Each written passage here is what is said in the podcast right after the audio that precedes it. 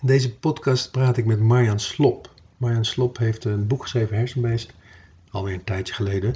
Maar ik kwam het uh, recent tegen uh, in mijn speurwerk naar Thomas Metzinger, een uh, Duitse filosoof die zij toevallig ook heeft geïnterviewd. Nou, zo kwam ik haar op het spoor. Super fascinerend. ja, een filosoof, voor mij ook weer heel interessant over hoe zij over het leven en het lijf denken. En daar hebben we het dus uitgebreid over gehad in deze podcast. We hebben een kleine technische storing na enkele minuten, een kwartiertje geloof ik. Dus dan wordt het geluid iets anders. Maar het blijft super interessant. Dus.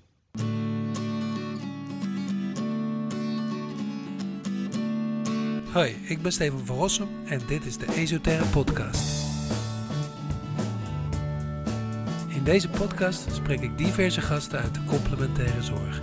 Van lichaamswerkers tot psychiaters en van relatietherapeuten tot wetenschappers. We hebben het over fascinerende onderwerpen die ons mensen bezighouden bewustzijn, vitaliteit, gezondheid, persoonlijke ontwikkeling, etc. En elke keer worden we weer iets wijzer. Luister je mee?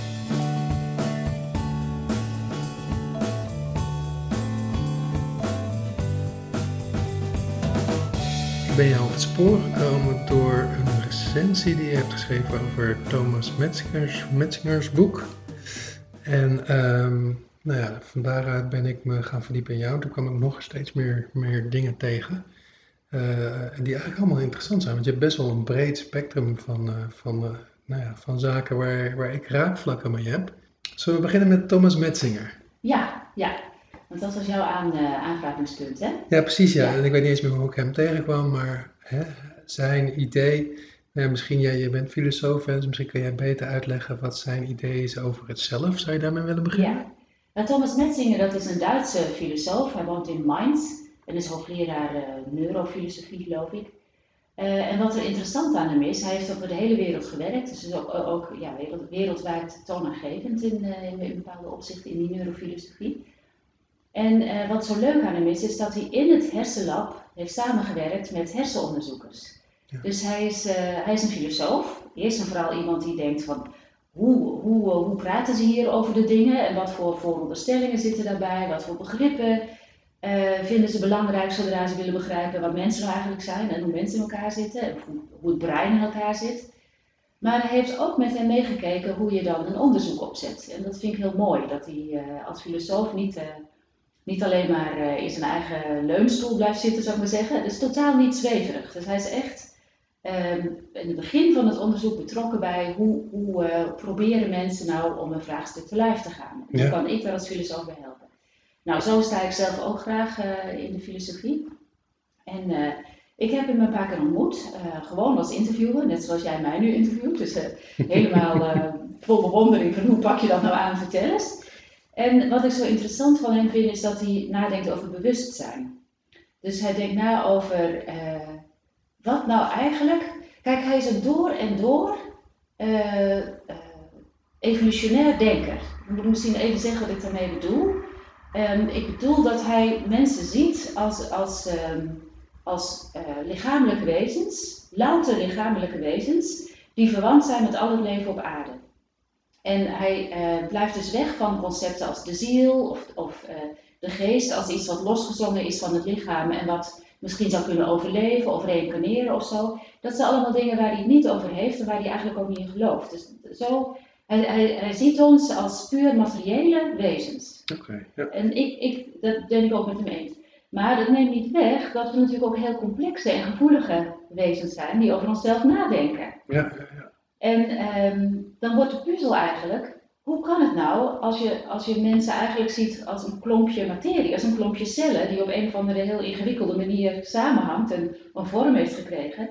Hoe kan het dan dat, dat, dat die klompcellen, want dat is inmiddels niet meer een klompje, maar nou ja, weet je, een lichaam, 80 kilo aan cellen soms, weet je. Ja. Hoe kan het dat hij nadenkt over zichzelf? Hoe kan het dat hij eigenlijk van zichzelf weet, ik besta? Ja. Weet je, dat is dan eigenlijk een enorm mysterie. Of, of, een hele grote vraag van materie, gewoon die je puur moleculair kan beschrijven, puur op het niveau van we zijn ooit uit, uh, weet je, uit, uit, uit, visjes of zo, oh, even klompjes en kleine garnaaltjes en nog kleiner, ja. zijn we zo de zee uitgekropen en, amfibieën geworden en later zijn, we, zijn daaruit zoogdieren ontstaan. En eh, nou, we hebben zo wat neven en nichten her en der onder de apen. En daar zijn wij, weet je. Als dat het beeld is, Mhm. weliswaar in miljoenen, miljoenen jaren geschiedenis, dan is dat een puur materieel, lichamelijk beeld van wat leven is. En dan moet je natuurlijk niet zeggen, dus kunnen we niet denken, dus kunnen we niet voelen, dus kunnen we niet nadenken over onszelf. Dus kunnen we geen eh, intuïties hebben of zo, want dat kunnen we allemaal duidelijk wel, weet je? Dat in ons dagelijks leven kunnen we dat. De vraag is dan juist, hoe kan dat? Ja, precies. Ja. En is het dan zo dat hij zegt dat dat dus een product is van een fysieke achtergrond? Ja, dat is een verschijnsel. Het is in feite een materieel verschijnsel. Dus het is niet een. eh, het is, je kunt het misschien nog. Dus bewustzijn sowieso, maar ehm, is een materieel verschijnsel. Het is niet een materieel ding, het is geen ding, maar het is een proces of een, eh, ja, een proces, een gebeurtenis die hoort bij materiële processen. Ja. Dus zoals, eh, dat is een, een, ver- een vergelijking die ik zelf altijd, eh, eh, die mij altijd helpt om te begrijpen waar we het over hebben.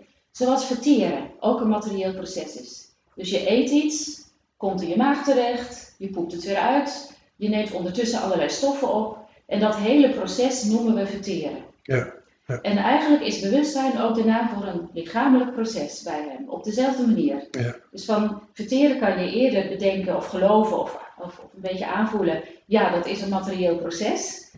Ehm, en dat kun je op verschillende plekken in je lichaam gebeurt dat. Het gebeurt niet op één plekje, het is een, het is een, een, een beschrijving van iets wat in je hele lichaam gebeurt. Ja. In feite is voor hem bewustzijn vergelijkbaar. Ja, precies, ja. En hij noemt het ook inderdaad, geloof ik, een proces, hè? Ja. Ja. Ja.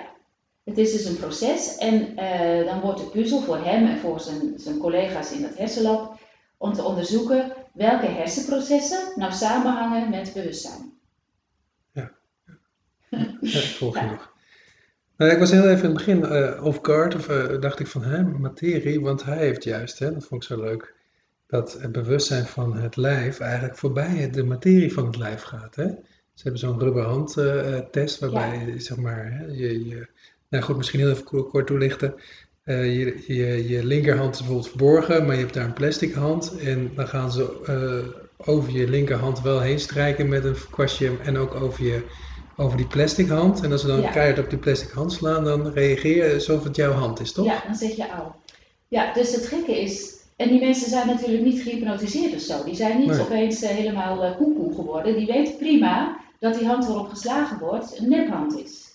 Dat is volkomen helder voor hen ook. Ja, Maar het, het gekke is dus dat je, dat je lichaam, of jij, of hoe je het ook wil noemen, ehm, heb, je, je, je vormt je een beeld van jezelf. Je hebt een soort lichaamsbesef of een lichaamsbeeld, of hoe je het ook wil noemen. Hè? Gewoon een soort impliciete kaart of, of model in je hoofd van dit ben ik, Ja. dit is mijn lichaam, hier, eh, hier ben ik en daar ben ik niet meer, daar, daar is het einde van mijn lichaam. Ja. En ehm, dat maakt je coherent. Dus je, je, zo- dat is iets wat eh, één ding wat bij elkaar hoort, uiteraard. Je kunt niet eh, hier zijn en tegelijkertijd op een andere plek. Zo werkt dat niet in een lichaam. En als je dus een, ehm, een je ziet iets, je ziet die rubberen hand, die nephand. Tegelijkertijd heb je een sensatie in je echte hand. Hm. Die rubberhand die ligt op een plek die visueel bij jou zou kunnen horen. Hè? Ja. Want dat is belangrijk. Als hij 10 meter verder lag, dan, eh, dan, dan kon, je niet, kon je niet begrijpen dat dat bij jou zou horen. Maar hij ligt op een plek vlak voor je, dus het zou jouw hand, da- daar had ook jouw hand kunnen liggen. Ja. Zo moet ik het zeggen. Ja. Op die plek eh, en, en daarbij in de buurt wordt er ook over je echte hand ge- gestreken. En maar dat had je nog niet bij verteld. Die Oh. rubberhand, daar, daar wordt ook in hetzelfde tempo ja, ja, ook over gestreken. Ja. Dus ook daar had je gevoel kunnen hebben. Dus het is geen dom idee van jouw lichaam om te denken, hé, hey, daar ben ik.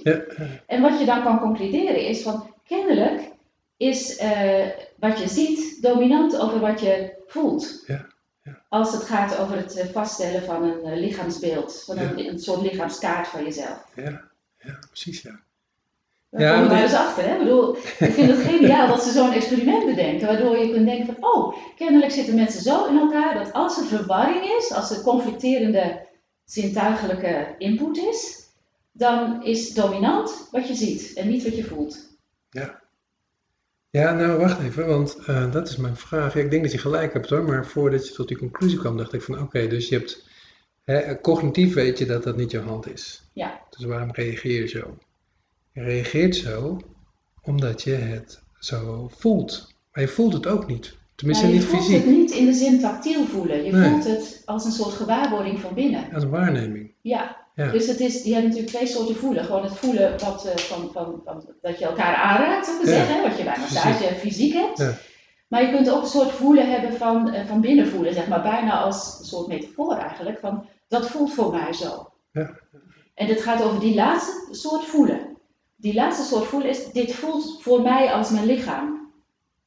En is dat bijvoorbeeld, eh, misschien, eh, ik zit opeens te denken, hè, van, eh, je hebt ook wel eens mensen of ervaringen dat, dat je denkt dat er naar je wordt gekeken, dat je voelt dat er naar, wordt- naar je wordt Ja. gekeken, toch? Is dat, is dat in hetzelfde spectrum eigenlijk? Niet. Waar je, waar je bedoelt is volgens mij van Robert Sheldrake en zo. Hè? Die heeft daar veel Ja, ja, over morgen geschreven. ja. En ik herken het ook wel. Soms denk je, waarom keek ik nou om? Maar ik zag, er was iets, er was Ja, iets. En op een of andere manier voelde ik het. Maar dat is niet zozeer waar Metzinger het over het heeft.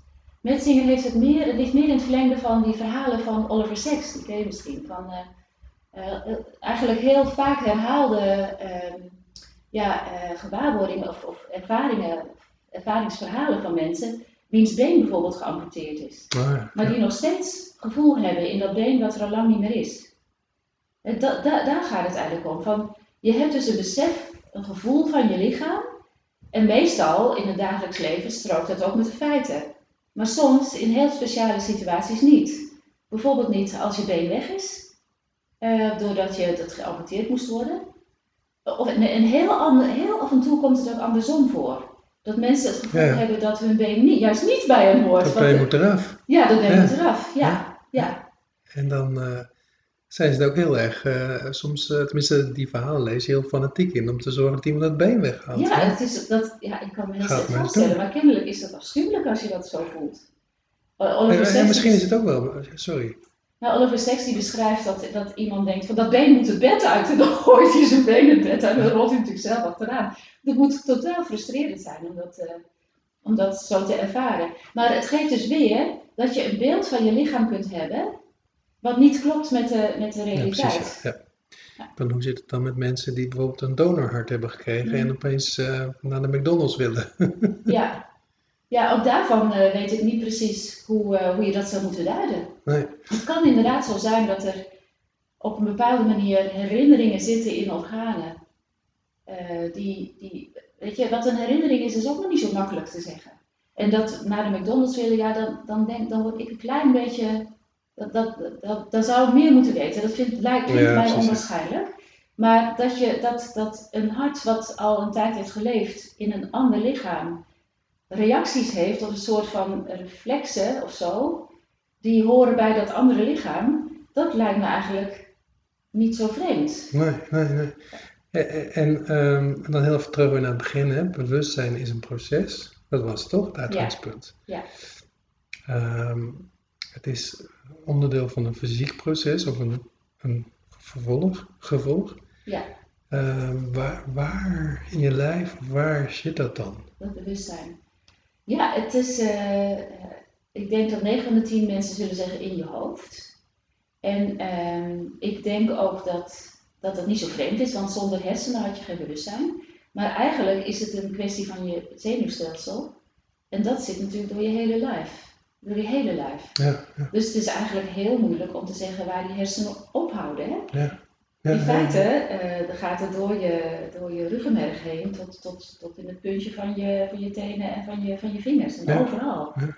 Overal zit, je, ehm, zit in feite bewustzijn. Ja, precies. Nee, ze hebben nu veel onderzoek over, ik weet niet of je het kent, de polyfagaaltheorie. Dat je zeg maar, eh, ja, je bewustzijn of je, je nervus vagus, hè, je, je viscerale, die zijn heel erg niet alleen eh, krijgen die signalen van de hersenen, maar ook heel veel geven ze signalen. Dus het idee is een beetje dat je bewustzijn of dat je afstemt, hè, eh, neuroceptie via je buik doet en via je ogen. En dat je Ja, wij als zoogdieren, zeg maar, hè, van daaruit proberen onze plek te vinden en of het veilig is en dat soort dingen. ja, ja, dat kan ook haast niet anders. Hè? Nee. Ik bedoel, het, is misschien, het, het, clasht misschien een beetje met, met de, met het primaire idee van uh, bewustzijn zit in je hoofd. Maar er moet natuurlijk een heleboel feedback loops in je hele lichaam zitten voor dat hoofd om iets met dat lichaam te kunnen doen. Ja. Of, of om dat lichaam te kunnen zijn eigenlijk, want zo zou ik het liever zeggen. Ja.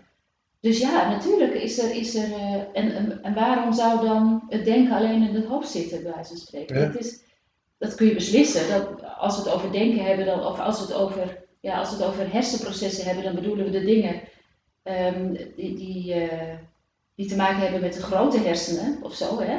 Dus dan kan je, maar dat worden definitiekwesties. In feite vind ik het veel zinniger om te doordenken of te doorvoelen, uh, of te doorleven eigenlijk, wat, wat, uh, wat het kan zijn om een denkend lichaam te zijn. Hmm. En, en, een, en een waarnemend lichaam en een voelend, sensitief lichaam. Ja. En hoe dat allemaal geïntegreerd wordt, Ja. of is. Nou ja, ik wou nog steeds even terug naar, naar, naar dat blurren, of tenminste, dat doen mensen dan dat blurren, hè, dat je, of tenminste, daar gaat hij verder op in, dat je eigenlijk je, je bewustzijn van je lijf dus, dus niet zo duidelijk is als je fysieke lijf. Hè. Doet mij heel erg denken aan als ik uh, massagetherapie geef, dat ik soms echt in een lijf kan zakken. Eh, zo voelt het. En, en dat er niet meer duidelijk is waar mijn lijf begint en het lijf van de ander ophoudt of zo, Ja. weet je wel? Mooi. Ja, Ken jij, het, eh, ken jij spiegelneuronen? Ja, Ja, daar doet het mij aan denken. ja, ja, ja. Ook of niet? Of bedoel je iets Nou, anders? ik, ja, nee, ik, ik, ik heb het opgezocht, maar nu ben ik even kwijt wat spiegelneuronen zijn ook weer. Oh ja, dat, dat jij zeg maar eh, dingen kan ervaren door, eh, als iemand anders het ervaart of zo. Ja, dus dat is, eh, het, het, het gaat eigenlijk over empathie, zou ik maar zeggen. ja. Maar het is, een empathie dat klinkt meestal heel emotioneel, maar dat kan ook heel lichamelijk zijn. Ja, Ehm, het gaat er eigenlijk over dat als wij van dezelfde soort zijn, zou ik maar zeggen, dus zoogdieren onderling, of in ieder geval mensen onderling, maar bij apen is het voor het eerst aangetoond, min of meer per toeval, de- dan, het kan zo zijn dat als, ehm, als ik jou iets, een handeling zie verrichten, bijvoorbeeld iets zie oppakken, is heel simpels, dan is het bijna alsof, dan begrijp ik dat, Ja. dat jij dat aan het doen bent, door dat min of meer die beweging in mijn eigen hoofd ook te simuleren, zou ik maar zeggen. Ja. Dus ik, ik, ik begrijp het door het in feite na te doen, door allerlei hersenprocessen die eh, bij mij de aanzet zouden zijn tot dezelfde fysieke handeling, die, die, die, die eh, moet je dat zeggen, die eh, maak ik al manifest, die, die komen al een beetje op. Ehm, dus eigenlijk ben ik het half aan het nadoen. En dat is bijna aan het imiteren in, in mijn eigen lichaam. En dat is de manier waarop ik begrijp wat je aan het doen bent. Ja. simpel. Ja. En ehm, dus ik, ik heb bijvoorbeeld ooit eens een eh, filmpje gezien op televisie waarin Erwin Mennemars, die schaatser, weet je wel, die was zich aan het voorbereiden op een, eh, op een wedstrijd. En die, die, die, dat, die, je zag het hem doen. Ja. Ik kan het nu, we zitten te praten, dus we we kunnen het niet laten zien. Maar hij, hij ging heel langzaam, deed hij zo die schaatsbeweging. En hoe hij door die hoek moest. En je zag in zijn lichaam dat hij dat repeteerde. Maar mini, mini. Gewoon, maar dat was zijn manier om het te herinneren. Dus dat is niet heel eh, alsof je dat voor een computer uitschrijft. Hè? Van, bij die bocht moet je dat en dat, en moet je ongeveer zo'n hoek eh, van eh, zoveel graden hebben om, om strak door die bocht te gaan. Hij, hij probeerde dat na te doen in zijn lichaam, in, het- in het klein. ja, En ehm, zoals dirigenten ook, ook dirigeren in het nep, als ze een partituur door, ja, doorlezen. ja, Zo deed hij dat eigenlijk met die bewegingen. En dat was nu voor hemzelf later. Maar je kan het ook doen als je een ander ziet. Dan doe je dat dus in feite ook. Ja. Helemaal in, in, in jezelf doe je die ander na. Ja. En dat is jouw weg naar begrijpen wat er gebeurt. ja, Dus dat gaat eigenlijk aan je verstand vooraf. Ja. Dat is het punt. Je, je spiegelt het. En doordat je het spiegelt, kun je het gaan begrijpen. Het is dus niet zo dat je het begrijpt en het dan kan spiegelen. Maar dat je het spiegelt en het dan kan begrijpen. Dat is een poort naar begrijpen. Ja, precies. Het is een fysieke reactie hè, die je dus ook in je hersenen binnenkrijgt. Ja, het is een fysieke reactie die aan het begin staat van begrip. Die is niet het einde is van begrip, maar aan het begin staat van begrip. En dat is echt een heel ander model dan het oude westerse model van eh, mensen die zijn denken. En dat, als ze het eenmaal snappen, dan kunnen ze het gaan doen. Ja, maar wacht even hoor, want dan kom je weer, een splitsing nemen. Want ik denk, jij zegt spiegel, spiegelneuronen, daar we het over. Hè? Ja. Ik, ik heb pas, heb je dat aan jouw boek gelezen? Heb je het in jouw boek daarover? Want ik heb het- Ja, kort. Ja, precies, ja. Nou, dat, dat is wel fascinerend, hè? Dus dat je dingen voelt die je bij een ander ziet. Die jij zegt bij zoogdieren, maar volgens mij is het zelfs zo dat je een computer iets kan zien doen wat een beetje een zoogdierachtige vorm heeft, dat je het al misschien ook al Ja. voelt, hè? Ja, die computer niet, maar wij wel. Dus als je, precies. als- precies, je een een animatie of zo zien, of een knuffel, dan ja, beertje of zo, dan denken wij, oh, cute, denk je Ja. dan. En als hij, eh, zijn Deze- hoofd eraf wordt gerupt, dan denken we, Precies. oh, doe ja. eens niet zo gemeen. Ja, Maar wat je zegt over Erwin Wennemars, dan moet ik denken, kijk, ehm, haalt hij die herinnering dan uit, of uit zijn lijf? Want ik heb bijvoorbeeld wel eens dan, dan eh, ik moet bijvoorbeeld mas- massages beoordelen, weet je wel, dan moet ik echt even terug naar waar we stonden en het weer terughalen. Dus ik heb soms het idee dat, dat mijn geheugen niet eens in mijn lijf zit, maar in plekken of zo. Ja. wel? ja, ik heb bijvoorbeeld als ik door het bos rijd of zo, dan komt altijd weer die herinnering bij die Ja. boom terug. ja, dat is waar. Ja. Ja, maar dat is dan het lokaliseren. Dat heeft meer met Ja, het, is het, zo. het filen van herinneringen te maken. Met hoe, hoe, eh, hoe categoriseer je herinneringen? Waar, hoe label je ze eigenlijk? Ja, precies. Misschien gaat dat weer de andere kant op. ik, ik wel geïnteresseerd van als jij dan eh, een massage moet beoordelen, eh, doe je dat dan bijna in je hoofd na? Of doe, denk je van hoe zou ik het doen? Of hoe, hoe hoor je dat te doen? Nee, nee, ik, ik bijvoorbeeld, ehm, nou het was zo, gisteren kwam iemand bij me en die vroeg, eh, van vorige week had je, nog, had je nog feedback over me? Ja. En dan weet ik dat ik die feedback nog wel kan terughalen, maar niet waar we nu staan. ja. Dus dan loop ik terug naar, jij stond hier te masseren, Ah, toch? Ja. Oké, ja, dan komt het allemaal weer tot leven. Ja, ja dat is inderdaad, dat heeft dan te maken met hoe je herinneringen eh, op kan roepen en dus ook hoe je ze hebt eh, gearchiveerd, zou ik maar zeggen. Het, Ja, eh, ja, ja. Maar ik kan me zo voorstellen, ik, weet niet, misschien is het niet waar, maar ik kan me voorstellen dat als je een, ehm, een massage moet beoordelen, van is dit goed uitgevoerd of is dit de juiste weg om het zo te doen, dat je, dat, dat je dan toch ook bijna die handen voelt van die ander. Zo van, Ja, ja. heeft, die, heeft hij zij dat dan eh, naar de goede plek gegaan, of weet ik veel. ik kan niet goed dat masseren, dus Ja. dat weet ik niet. Maar dat, je dat die kennis van jou in je handen zit en dat je dus ook die kennis mobiliseert door te denken, door, door na te gaan bij jezelf, wat zou ik mijn handen doen? Nou, dat is een gevleugelde uitspraak. Ik- Dat mensen vragen eens, hoe moet dat nou? Dat weet ik niet. Maar Nee, mijn handen weten het wel. ja, ja, En dat doet me, denken aan, ik heb een keer een artiest gezien die, die had eh, Alzheimer of zoiets. Hè? Die, die kon niet meer eh, dingen herinneren, maar als hij zijn gitaar omdeed, wisten zijn handen wel de akkoorden. ja, Snap hoor je? je. Ja, ja, fascinerend. Maar die spiegelneuronen vond ik ook heel interessant. En volgens mij wat ook in jouw eigen boek staat, hè, want we hebben het over metsingen gehad, maar je hebt zelf eh, ook genoeg eh, gepubliceerd, onder andere het boek Based. Ehm, volgens mij hoor, heb jij ook een beetje iets van, nou, er lijkt een tendens te zijn in de wetenschap dat alles aan de hersenen wordt toegeschreven. En daar heb jij een beetje je bedenking bij, of in ieder geval van nou, nou, nou, klopt het? Ja, dat klopt. Ja, Ja. ja. Ja, ehm, kijk, het, staat, het is buiten kijf dat hersenen hartstikke belangrijk zijn. Haal de hersenen uit iemand en eh, hij is hersendood, of zij. En dan, eh, dan hebben we niet veel meer aan, zou ik zeggen. En die persoon heeft ook niet meer veel uit zijn leven. Dus dat hersenen cruciaal zijn, dat is voor mij duidelijk. Ja. Maar eh, ook in, in staat ook een vergelijking met, een, die heb ik dus niet van mezelf, maar ik vind dat zelf een heel inzichtelijke vergelijking. Van als je een vliegtuig hebt, dan snap je dat hij niet zonder de motor kan. Hè? Eh, maar alleen de vliegtuigmotor heb je ook helemaal niks aan. Die kan ook echt niet vliegen. Ja, ja. Nou, precies zo. Als je een lichaam hebt, een mens bent, dan, ehm, dan snap je dat die mens eigenlijk niks is zonder die hersenen, of niks kan, of niks Ja. voorstelt zonder die hersenen. Maar haal de hersenen uit de mens en ze kunnen ook niks. Net zoals dat vliegtuig zonder motor niks kan. Je hebt ook de bouw van die vleugels nodig en noem maar op. Hè? Ja. En er zijn wel elementen belangrijker dan andere. En, en, daarvan, en hersenen zijn duidelijk heel, heel belangrijk voor de mens. Maar het, het, het absoluut maken ervan, van je bent je hersenen of zo, ja. dat is denk ik echt eh, veel te kort door de bocht. En dat laat heel, dat is, dat is eigenlijk gewoon evident onwaar. Dat Ja. ben, je, ben je niet. Nee. Is dat een beetje nog eh Cartesiaans, eh, een beetje dualistisch gedacht? Ja, ik denk het wel. Is daar nog steeds last van? Ja, daar hebben we nog zeker nog steeds last van. Ja. Ja, nou goed, jij bent filosoof, dus ik misschien ook een vraag over Descartes aan stellen. Eh, want die komt heel vaak langs, die meneer, in onze podcast. En eh, komt Oh ja, ja. een beetje bekaaid af, hè, als, als de, de aanstichter van het dualistisch denken, het, eh, het eh, niet holistisch denken, zeg maar. Ehm, ja, wat wil ik nou vragen? Ehm, Of het kan opnemen voor Descartes. Waarom die dan eigenlijk zo belangrijk is. nou ja, en wat ik eigenlijk wel misschien zeggen, maar eh, het, is wel heel breed aangenomen. Hè? Dus het is wel een, het is, kijk, ehm, nou goed, ik weet eigenlijk niet wat ik wil zeggen. Dat Maar weet je, je moet het ook eens in tijd plaatsen. Hè? Descartes was een hartstikke slimme man die, die, die heel methodisch heeft willen doorlichten wat we nou eigenlijk denken te weten en waarom.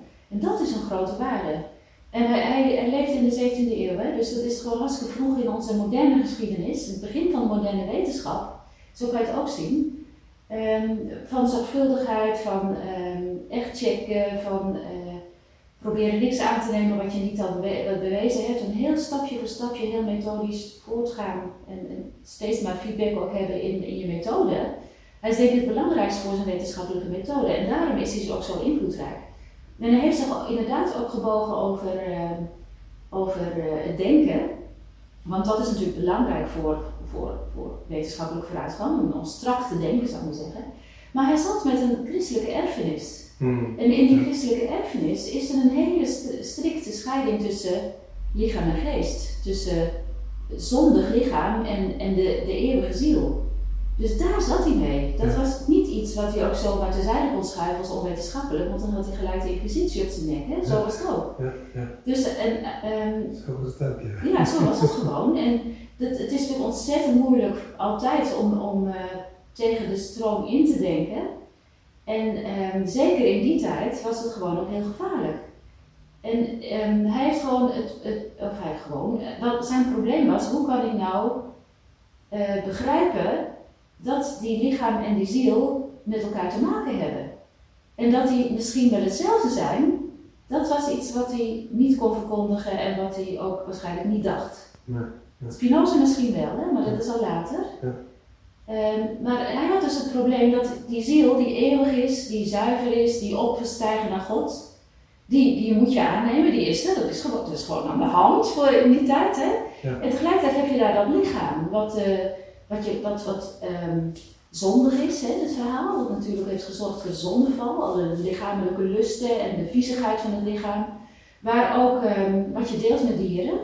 hè, dus wat eh, eh, de dieren werden geslacht natuurlijk en dan rond die tijd en opgegeten. En rond die tijd werden ook voor het eerst eh, lijken opengemaakt om te Ja. kijken hoe het lichaam van mensen er van binnen uitzag. En een van de grote, het was wel ietsje eerder hoor, maar ook niet zo heel veel eerder, was nog niet zo heel lang aan de hand.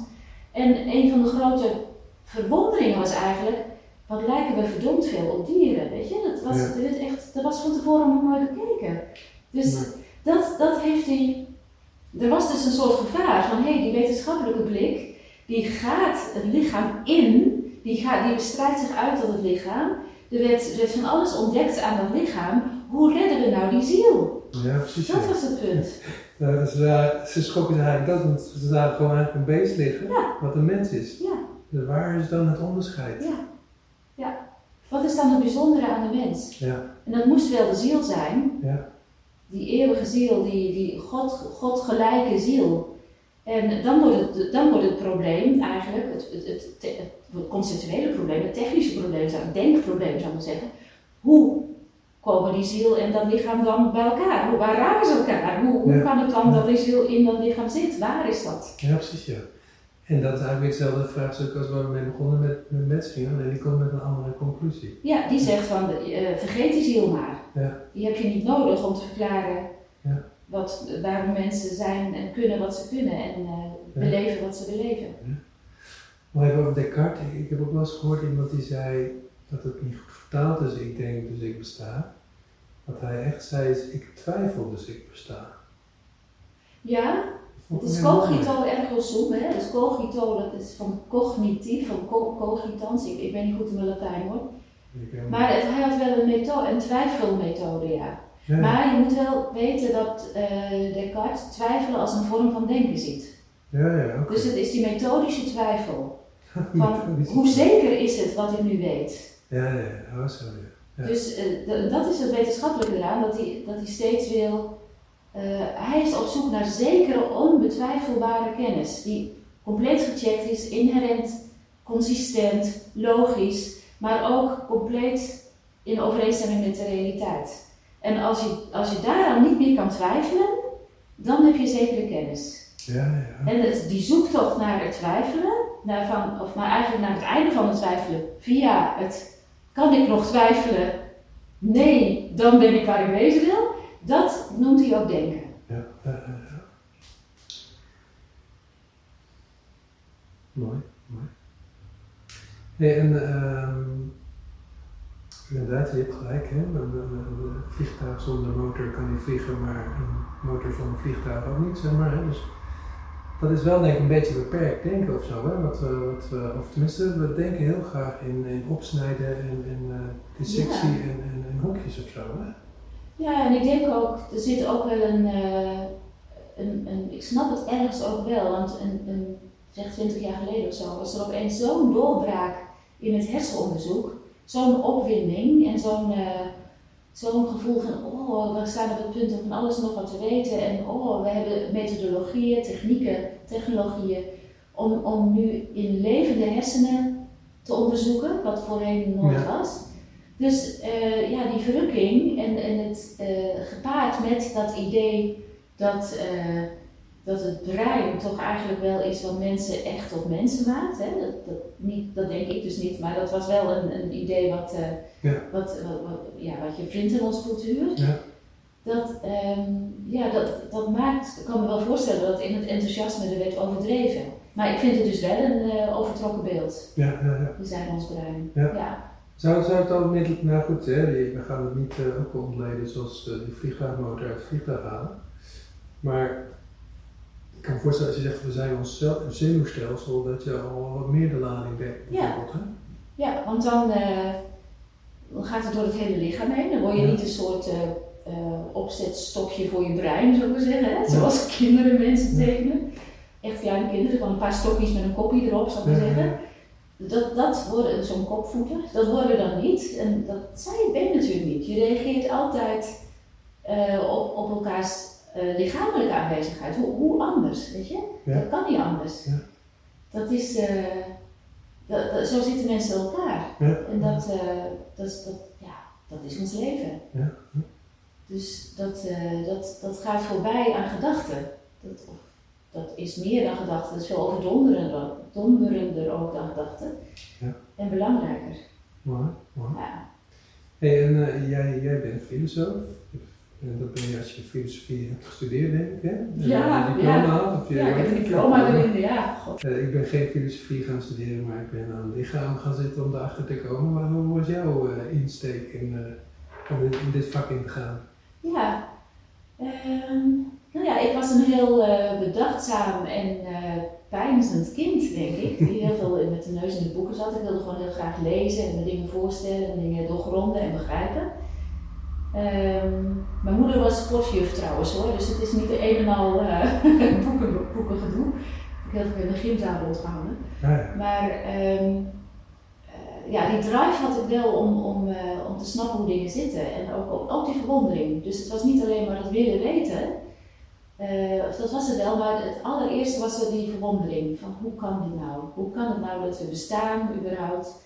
Dat het leven er is. Weet je, echt van dat soort veel te grote, super naïeve, maar toch ook ja, heel moeilijke vragen eigenlijk. Moeilijk om te zijn, misschien verkeerd gesteld, maar zo daar liep ik mee rond, weet je. Eh, Eh, maar goed, ik kwam, ik kwam uit een, eh, of ik kom uit een dorpje waar, eh, waar, waar, waar er niet over dit soort dingen gesproken werd. Dus ik was aan het zoeken, heel veel naar de bibliotheek gegaan en zo. En ik dacht, ik moet psychologie gaan studeren. Want dan, dan, dan kom ik erachter hoe mensen wetenschap maken. Hoe het kan dat mensen met hun eigen gedachten opeens, met al hun, al hun rare eigen rariteiten, met hun subjectiviteit zou ik maar zeggen, hè, met, eh, met alles wat, eh, wat helemaal niet zo objectief is, wat ze zelf zijn, dat ze dan toch tot objectieve kennis kunnen komen. Dat was toen mijn idee. Van hoe kom je van die sprong van subjectieve dingen naar objectief? Dat was mijn mysterie op dat moment. En ik dacht, dat ga ik dus uitvinden bij eh, psychologen. Ja. Want die buigen zich over de, de, de- die maken wetenschap van de menselijke psyche. Ehm, en daar kwam ik een beetje bedrogen uit, want psychologen doen een heleboel mooie dingen, maar dat eigenlijk niet. Dat is een veel te filosofische vraag voor psychologen. Maar dat wist ik toen gewoon nog niet. Ja. Dus dat- omdat ik, weet je, die, die achtergrond had ik niet. Ja. Ik, ik wist eigenlijk nauwelijks wat filosofie was. En toen, toen zei, toen, ik was er liep daar een beetje onbevredigd rond. En toen eh, heeft zijn vriend van, misschien moet je eens bij filosofie gaan kijken. Dat heb ik gedaan en toen, ik was gewoon verkocht. Ik was helemaal eh, eh, zo'n verdroogd sponsje wat zich volzoog met... Ja, eh, ja. ik draaide uit van geluk gewoon. Het was echt fijn om, eh, om, om, om, om, eh, om al die kennis te voelen en te zien en, en tot me te nemen. En ook geestverwant, hè? Dat is natuurlijk ook zo. Dat je, kun je je voorstellen dat ik heel lang eh, ook in ieder geval in dat opzicht dolende ben geweest. Mm, Van, eh, ja. Waar moet ik nou zoeken? Waar moet ik heen met mijn vragen? Ben ik raar? Ben ik een soort van freak of zo? weet je? Ja, Dus, precies, ja. en opeens waren er mensen zoals ik. Ja. En sterker nog, was het nog iets wat, eh, wat, wat, wat cultureel heel erg gewaardeerd werd. Ook wat, wat zeer bijzonder was in plaats van raar. Het was misschien nog steeds een beetje raar, Ja. maar het was, was niet meer, het, het, eigenlijk ook, eh, eh, ook, ook bijna iets, eh, het had opeens status, weet je Ja, wel. het was een studie. Het was een studie en eh, ook niet zomaar een studie, het was een moeilijke studie. En oh, opeens, wat opeens stegen een paar sterretjes of zo. Dat was gewoon ook wel fijn natuurlijk. In plaats van dat ik een raar eh, idiootje was of zo. Dus dat, eh, maar goed, dat was eerst en vooral nog steeds hoor. In, in, eh, gewoon een hele, ik vind het, het ligt me gewoon heel erg. Ja, Het is gewoon, past bij mijn persoonlijkheid en bij mijn interesses. En, eh. Ja.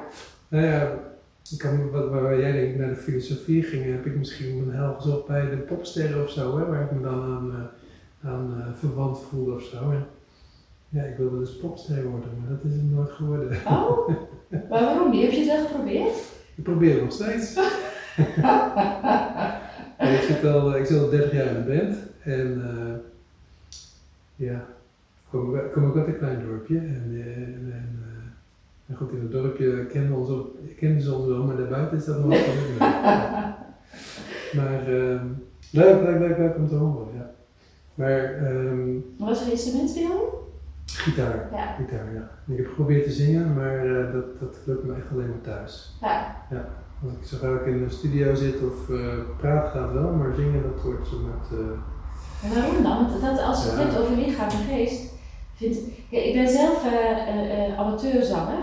Ik Hmm. kan het helemaal niet goed, maar het, het, het interesseert me. Ik vind het hartstikke leuk. ja, ja, En het is misschien altijd als je dingen probeert die je moeilijk vindt, of die niet vanzelf. Ik heb niet, ik heb niet veel talent in zingen.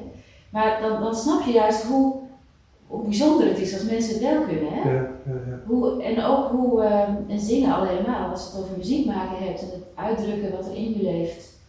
Om, het, het is zo gevoelig, je kunt zo goed. Nou, dat is denk ik waar ik ga blokkeren. Het is heel gevoelig en uiterlijk wat in je leeft. Dat, dat zijn voor mij echt toch wel grote thema's waar, waar ik kan blokkeren. Kijk, ik praat ook een beetje eh, met mijn gesloten kaak en zo, dus eh, ik, ben, ik ben niet zo uitend. Ik ben, eh, ben heel erg, ik heb mezelf wel erg getraind om, om vooral dingen binnen te verwerken. Ja, Dus als ik zing, dan voelt ook weinig. Mensen worden niet echt geraakt, zeg maar. Hè? Niet zo emotionele zanger. Maar daarvoor zit nog eigenlijk gewoon dat ik. eh, ja.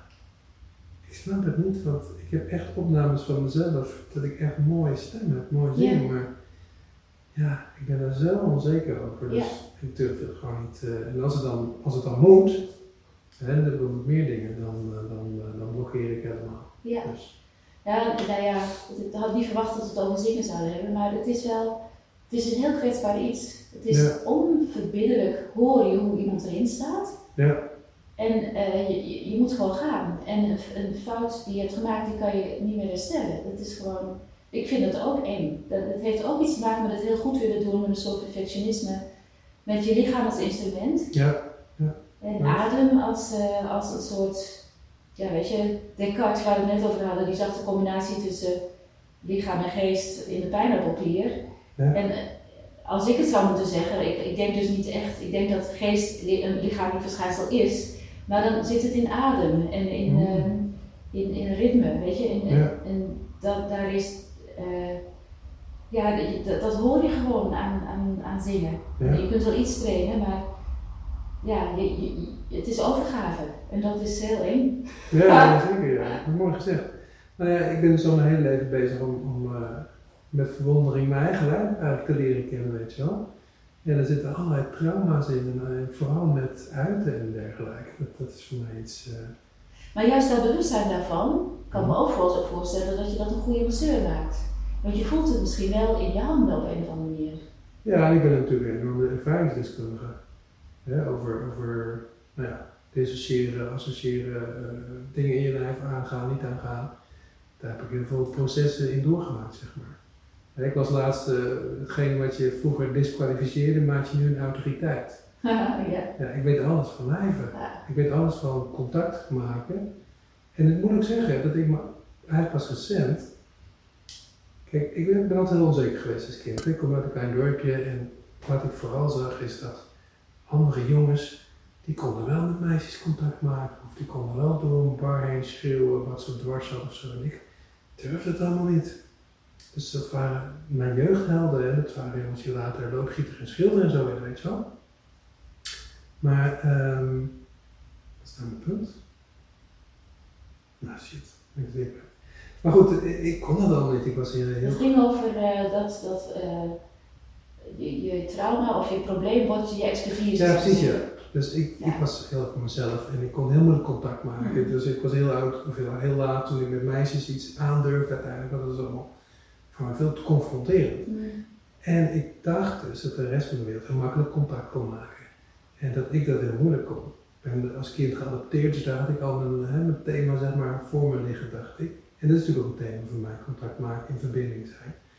Alleen ik wist niet dat de rest van de wereld er net zoveel moeite mee heeft. Ja. Daar kwam ik, mijn vrouw die zei uh, vijf jaar geleden of zo van, uh, toen ging ik weer naar een feestje toe, toen zei ik, oh moet ik weer met iedereen gaan uh, socializen, dat kost mij kracht, energie.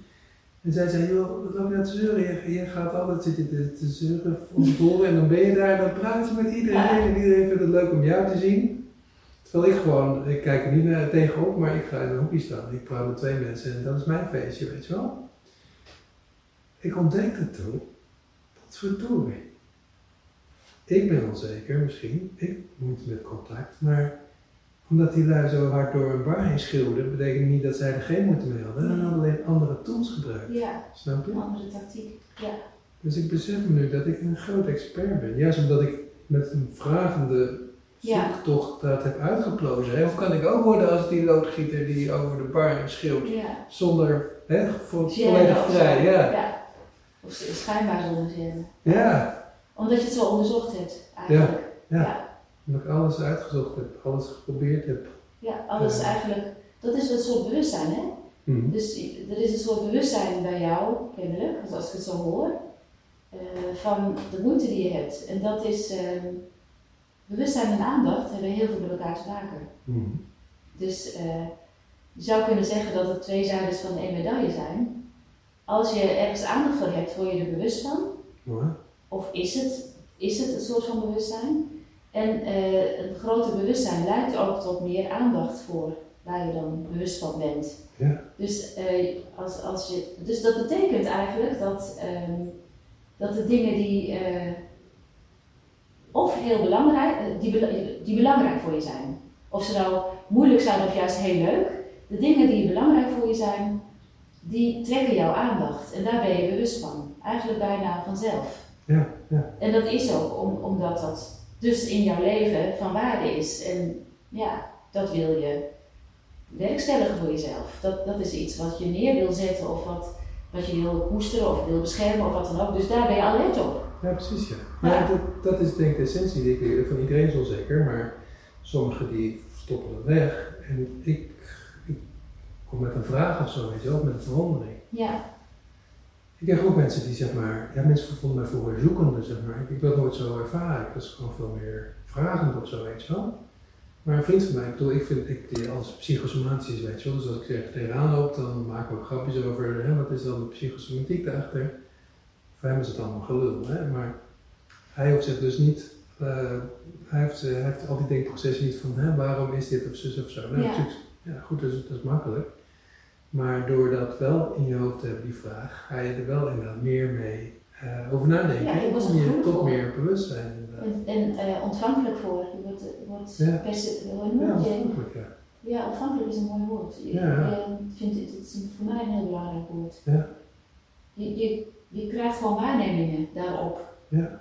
En dat, dan ga je ook beter, beter zien. Ja. En beter voelen en beter eh, ja, waarnemen. Nou ja, precies wat je zegt. Hè? Want waar ik bijvoorbeeld allergisch voor ben, is leiden therapeut op en we willen niet eh, die- dat iemand binnenkomt, hè, die heb je ook, en dan zeggen, oh je hebt dat en dat, zo en zo, die moet dat en dat gaan doen.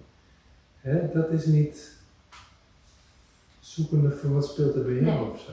Hè? Je moet eigenlijk vanuit een bepaalde onzekerheid ook contact kunnen maken. Ja, en, Er en zit ontvankelijkheid in. Ja. tunen. En dat, dat eh, dus je afstemmen op iemand. Ja. En dat heeft denk ik te maken met die spiegelneuronen. Dat je, Ja. waar we het eerder over hadden, dat je bijna als het ware in jezelf gaat voelen. Het klinkt heel, heel spiritueel, zo bedoel ik het helemaal niet. Of niet per se, weet je, dan, of, of heel eh, mysterieus. Maar dat je bijna eh, ja, als een medium gaat werken of zo. En ook snapt wat je aan het doen bent. Ja. Dus dat je bijna voelt wat die ander voelt, of probeert te voelen wat die ander voelt, en dan te denken, oh maar wat betekent dat dan? En, en dat is denk ik, eh, eh, kijk dat zou, jij, dat zou jij met lichamen hebben. Ik heb dat soms met gedachten, van- met, met ideeën van mensen. Dat ik probeer te denken, oké, als je zo denkt, wat zijn dan belangrijke onderliggende Ja, ja, gedachten en, en waardes en Ja. zo. Zo probeer ik dat te voelen. ja. Waar te nemen, ja. Nou ja, wat ook echt helpt is om als je bijvoorbeeld een klant tegenover je hebt, om te voelen hoe het is om in zijn houding te staan. Je kan niet in zijn lijf staan, maar in zijn houding, weet je wel. Dan voel je meteen. Ja, me waar een de beetje. spanning komt of zo, of waar, eh, waar ja. Ja. Ja. Nou ja, fysiek, mentaal, emotioneel. Hè? Ik bedoel, ik, ik doe toch iets in de klas, weet je wel. Van, dan zeg ik van, eh, oké, we gaan, eh, ik ben een regisseur en ik zoek een acteur. Het is een pantomimespel. Ik zoek iemand die heel depressief is. Jullie moeten nu die houding aannemen. En dan zie je twintig man die allemaal dezelfde houding aannemen. Hè, dus we- we weten als lijf allemaal dat je Ja, zo depressief ja. bent. Dat je naar voren hangt, dat je buikgebied kleiner maakt, dat soort dingen, weet je wel. Er zit een houding in, fysiek, een gedachte bij en een gevoel. Ja. Maar goed, leuk. Dus jij, jij, jij, jij, jij ja, ja, precies wat jij zegt, spiegelneuronen, ja. Maar, ehm, muziek, jij hebt op Lowlands gestaan. Ah, ja, inderdaad joh. Maar niet met de gitaar. En zeker niet als zangeres. was het maar. Nee, dus een soort, ik heb inderdaad op Lowlands gestaan in een soort randprogramma, weet je wel. eh, om drie uur 's middags of zo. Nou, in zo'n tent waar ze ook nog wel eens wat leuke dingen voor eh, erbij, erbij doen. Dus ik had daar een eh, soort praatje over onsterfelijkheid, geloof ik. Over bewaren, stel je nou voor, of het streven naar onsterfelijkheid, zoiets. Waar ik overigens, overigens eh, niks in zie. Maar dat was, dat was het programma.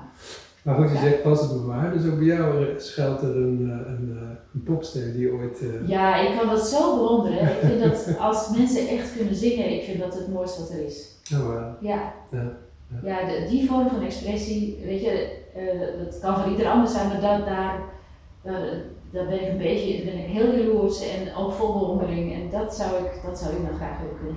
Maar zelfs, zelfs eh, dat zou je misschien ook hebben met je gitaar, als ik iemand hoor die heel goed zingt, dan ga ik zelf ook een beetje beter zingen. Want dat is, dat, dat dan, eh, ja, ook dan wordt er iets in je eigen lichaam geactiveerd, waardoor je een soort primer, waardoor, het zelf ook weer beter gaat. En ik heb ook wel wat zanglessen gehad. En als mijn juf, die, eh, mijn zangjuf, die ik geweldig vind, als die dan iets voorzingt, dan kan ik horen hoe, hoe weet je, dan kan zij technisch gewoon dingen voor. Je kan het zo zingen en dan zegt ze dan, dan, nou ja, dan komt er iets. Of je kan het zo zingen, dat is dan beter. En dan hoor ik het verschil en dan gaat het, dat is ook een lichamelijk proces. Wat voel je dan in je lichaam? Eh, bij, eh, door het te horen kun je bijna ook weer gaan imiteren. ja, En dat, eh, dat is zo'n mooie manier van leren. ja.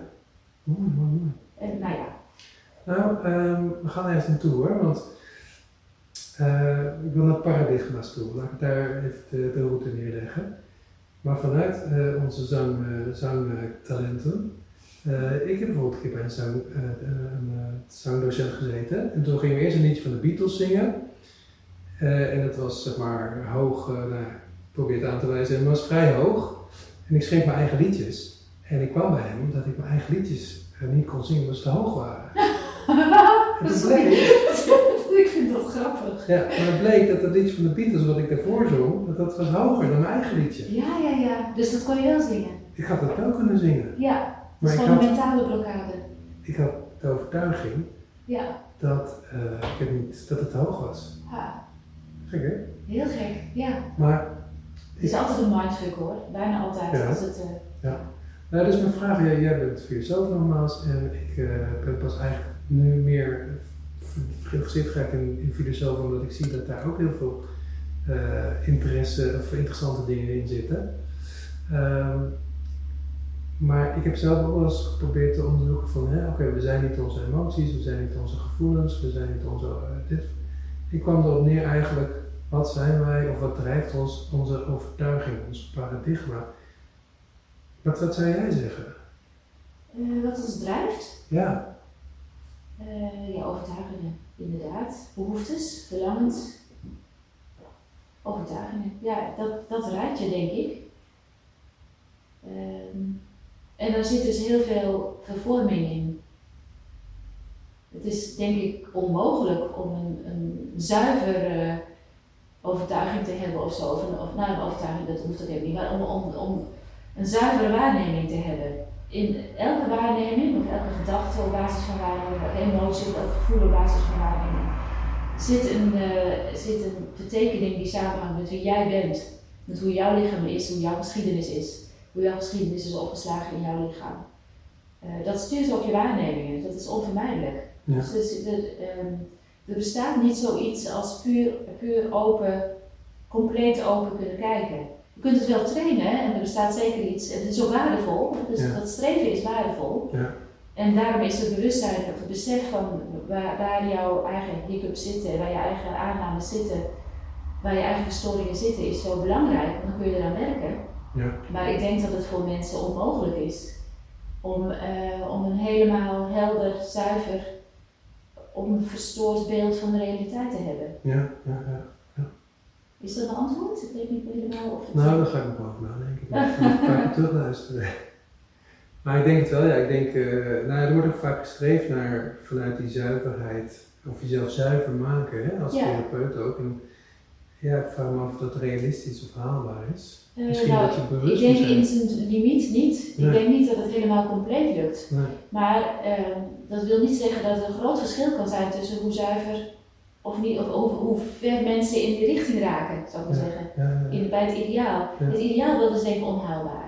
Maar je kunt aardig in de buurt komen of totaal niet. Daarmee wordt het ideaal, kijk weet je, het feit dat het ideaal niet te bereiken is, wil niet zeggen dat het ideaal niet waardevol is. Dat het niet Ja. nastrevenswaardig is. Dat bedoel ik eigenlijk te zeggen. Ja. Dus het lijkt me voor elke therapeut of elke denker ook op, op, op ons eigen vakgebied belangrijk om weet te hebben van je eigen neiging tot vervorming, je eigen neiging tot invulling, van eh, te snel invullen, je eigen eh, blinde vlekken en je eigen eh, dominante trekjes, zou ik maar zeggen, of dingen die je te snel ziet misschien. En, en dat gewoon te wegen, dat, als een soort check. Ja. Dan heb ik het nou, kan ik mezelf corrigeren. Ja. Dat is ook wat Descartes probeerde. hè, met- Dat is een soort van twijfelen eigenlijk. Aan je eigen aannames. En dat is heel waardevol. Ja, mooi, mooi, Ja. Ehm, ken je Bruce Lipton? Nee.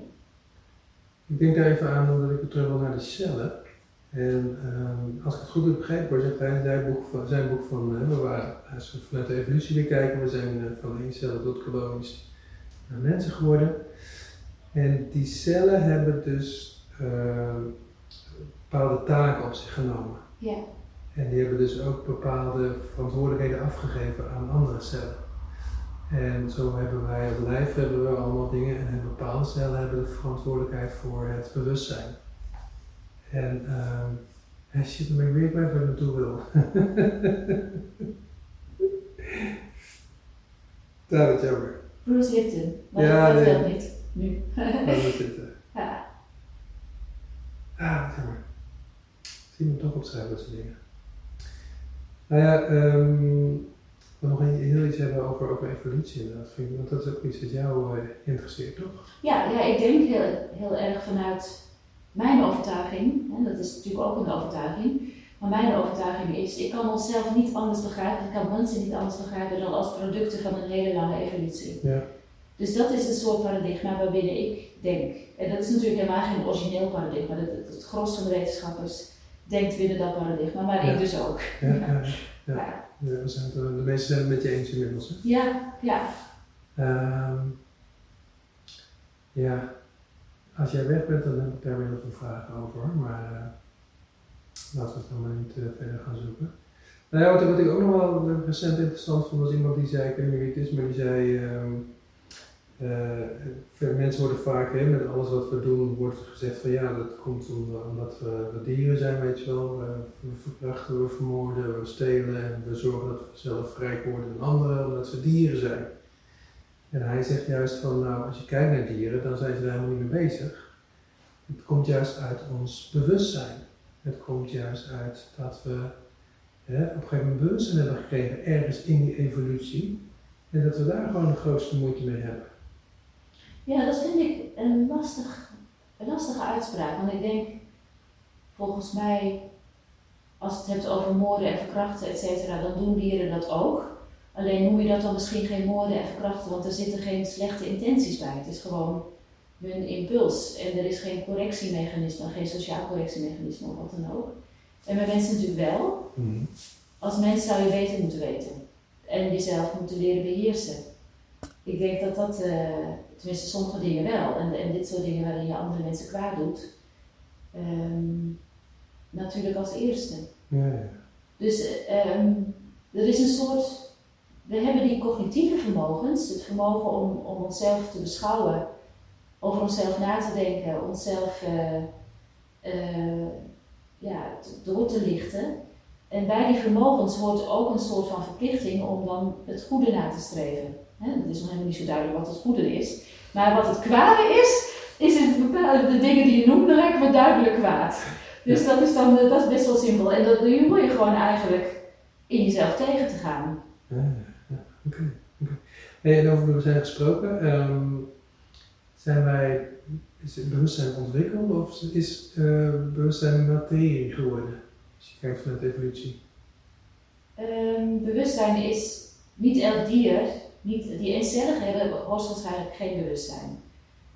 Kijk, het is zelfs wel moeilijk om van elkaar te weten, zeker te weten, hè, op zijn dikke, dikke Cartesiaans van heb, heb jij nou bewustzijn, heb ik bewustzijn? Hoe wil je dat checken? Want dat het iets is van binnen, je voelt het van binnen en je kunt bij een ander helemaal niet binnenkijken. Dus die keiharde check die Descartes zou willen, die hebben we eigenlijk niet eens voor Hmm. elkaar. Dus zeker niet van andere dieren. Maar als je kijkt naar gedrag en, en, en ehm, je kijkt naar eh, hoe zou het bij mij zijn als ik in die situatie dat en dat en dat zou doen, dan is het aannemelijk, hoogst aannemelijk, dat, een, dat sommige dieren ook bewustzijn hebben. Maar bijvoorbeeld eh, eh, iets als een worm of een mossel of een, eh, een, een insect of zo, is het, is het twijfelachtig dat die bewustzijn hebben. Ja, ja. Het is ook weer een beetje hoe je definieert. Ja, maar als je kijkt naar ons mensen, hè, wat ik meer bedoel is van, sommige mensen zeggen van nou, we zijn, doordat we dit soort lijven zijn, worden met dit soort hersenen, is er bewustzijn ontstaan. Ja? En andere mensen misschien meer spirituele benadering is van nee, bewustzijn is er altijd geweest en dat heeft zich tot in de loop van de eeuwen, miljoenen, miljarden jaren gevormd tot ons mensen. Ja, Jij mag kiezen. Welke nou dan ik dan? voor het eerste. Want eh, dat, dat bewustzijn dat er altijd is geweest, dat lijkt verdacht veel, in mijn, mijn termen verdacht, eh, op de ziel. Ja, ja. Op een wereldziel of zo. Ja. En dan krijg je dus die, die filosofische problemen die, die Descartes probeerde te verzoenen. Ja. En waarvan ik denk, dat kun je niet verzoenen. Het enige wat je kunt doen is iets weghalen wat, wat overbodig is als eh, verklaring, namelijk die ziel. Ja. Dat heb je niet nodig. Er is kunt- geen ziel, zeg je. Er is geen ziel, Nee. nee. Je hebt het niet nodig om te begrijpen wie we zijn. Of om te, en met, met alles, hè? dus ik bedoel dat niet. Ik bedoel niet eh, wat, wat je als filosoof eh, reducerend. Ik bedoel niet te zeggen, eigenlijk hebben we dus geen gevoelens. Of eigenlijk hebben we dus geen intuïtie of zo. Natuurlijk hebben we dat Nou, allemaal wel. Ja, dat is niet ziel. Maar, maar we hebben, daar heb je het woord ziel niet voor nodig om dat te kunnen verklaren in zijn volle rijkdom. En ik ben helemaal geen filosoof, ik vind het alleen zeer interessant. Ik haal mijn kennis vooral van podcast. En dan meen ik hebben onthouden dat niet. Ze zeiden er is meer tijd dan materie. Dat maakt het onvermijdelijk dat wij opnieuw moeten voor, voor terugkomen. Ja, de eeuwige wederkeer Ja, Ja, ja dat, dat zei hij inderdaad. Ehm, maar dat is, hij bedoelde niet zoiets als reïncarnatie, denk ik. Ah, oké. Het was meer een soort repeterende patronen in de wereldgeschiedenis. Die je gaat herhalen zolang je niet beseft wat je aan het doen bent. Oké. Maar dat is dus, denk ik, maar dat weet ik niet zeker hoor, niet individueel bedoeld. Dus dus meer als mensheid of als, als eh, Ja, verzameling mensen. Ja. oké. Ja. Hey, en misschien tot slot, ehm, ja, ik weet niet of dat kan, maar ik, ik, ik had over poppen, popsterren, je had over filosofen, ik heb een paar favoriete popsterren. En Zijn er, zijn er bepaalde filosofen die jij, eh, zeg maar, eh, meer, waar jij je in verdiept hebt, die boeiender zijn voor jou? Nou ja, eh, ja, Wie zijn je favorieten, bedoel je eigenlijk? Ja. Nou ja, Metzinger natuurlijk, dat is een, eh, iemand die ik heel goed vind. Eh, ik, ik ben ook, eh, ik, ik ben altijd zeer onder de indruk van Wittgenstein. Ludwig Hmm. Wittgenstein, een hele technische filosoof, maar ik vind het heerlijk zoals hij dat doet. Ehm, ik lees de laatste tijd veel eh, ja, biologisch filosofen, zou ik zeggen, of filosofisch biologen. Uh, Metazoa hadden we het eh, net, net samen eventjes over Ja. voordat we de podcast begonnen van Peter Godfrey Smith, vind ik eh, heel Ja. mooi. Ehm, ik hou ook wel van politiek filosofen. Dus dat is een andere kant die, eh, die voor mij belangrijk is. En van, ehm, eh, ik ben ooit afgestudeerd op Lacan, dat is een psychoanalyticus eh, filosoof. Eh, die- omdat ik dat hele idee van het onbewuste vind ik ook heel, eh, heel interessant. En het imaginaire, eigenlijk meer de verbeelding. Dus hoe je, de rol die verbeelding speelt in een mensenleven, verbeeldingskracht of overtuigingskracht, nou, eigenlijk meer verbeeldingskracht. Dat is een thema waar ik de laatste tijd eh, ook weer veel over aan het nadenken ben, zo sluimerend op de achtergrond. Dus dat vind ik, eh, ja, filosofen die daar iets mee proberen te doen, dat vind ik, vind ik heel interessant. Ja, dat kan me voorstellen. En je vertelde dat je misschien in het begin ooit psychologie wilde studeren. Dat is misschien Lacan wel een, een van de, tenminste die ik dan ken, eh, die daar toch meest tegen de psychologie of niet? Ja. ja, en ook binnen de psychologie, of binnen de filosofie moet ik zeggen. Eh, God, dan heb je weer allerlei afstudeerrichtingen en Ja. zo. En daarbinnen heb ik, eh, ben ik afgestudeerd in wijsgerige antropologie, zoals dat heet. En dan is het niet antropologie zo van vreemde stammen ver weg bestuderen, maar antropologie. Antropos is mens en logos is kennis. Dus kennis van de mens. Dus ook weer, juist weer mensen. Hè? En dat gaat dan over, over vraagstukken als wat is vrije wil, wat is bewustzijn, hoe, hoe, wat, wat bedoel je eigenlijk met rationaliteit en met emoties, met gevoelens. Wat is eigenlijk een ik? Is er zoiets als een ik, een vanzelf, waar we het net al Ja, even ja, over ja. Dus dat soort vraagstukken vind ik eh, nog steeds heel belangrijke vragen, filosofische vragen. En dat zijn, die worden dus gereflecteerd binnen de filosofie, terwijl ze een, een soort frame zijn, een paradigma binnen de psychologie. Ja. Maar dan eigenlijk niet meer zo gereflecteerd worden. Dus dan, dan zijn ze meer uitgangspunt dan onderzoeksobject. Ja, ja. Wauw, interessant. Hey, ehm, echt nu mijn laatste vraag. Hoor. We hebben eh, bijna heel vaak therapeuten in de, in de podcast. En dan vraag ik altijd, wat maakt een goed therapeut? Ik, eh, jij mag kiezen, wil je daar antwoord op geven of op de vraag, wat maakt een goed filosoof? Oh, liever de therapeut. Dan kan ik lekker, bedoel, als een leek, hè? Ja, ja. Ik denk, eh, ik denk, een therapeut is iemand die, die inderdaad heel ontvankelijk is en tegelijkertijd de, de, de prachtige combinatie heeft van ontvankelijk zijn en toch ook voldoende afstand bewaren. Dus geen complete identificatie. En, dat, en, en binnen die ruimte kan werken, kan nadenken, kan, kan, ja, kan werken, iets kan doen. En dat vind ik echt heel knap, als iemand dat kan. Dus die, een ander het gevoel geven, ik ben veilig, ik kan laten zien wat, wat er in mij leeft. En ik, ehm, ik merk ook dat die therapeut dat aanvoelt, wat voor manier dan ook.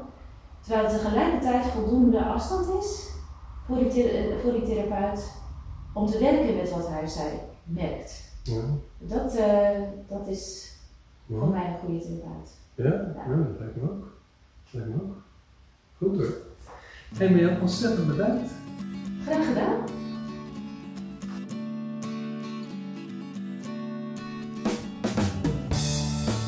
Deze podcast is gemaakt door interviews Stefan van Rossum, redactie Esme Donker en Maurice de Gruiter.